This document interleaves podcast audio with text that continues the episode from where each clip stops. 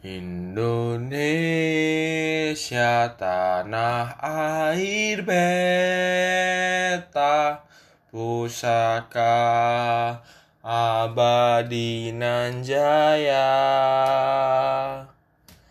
Indonesia sejak dulu kah lah selalu dipuja-puja bangsa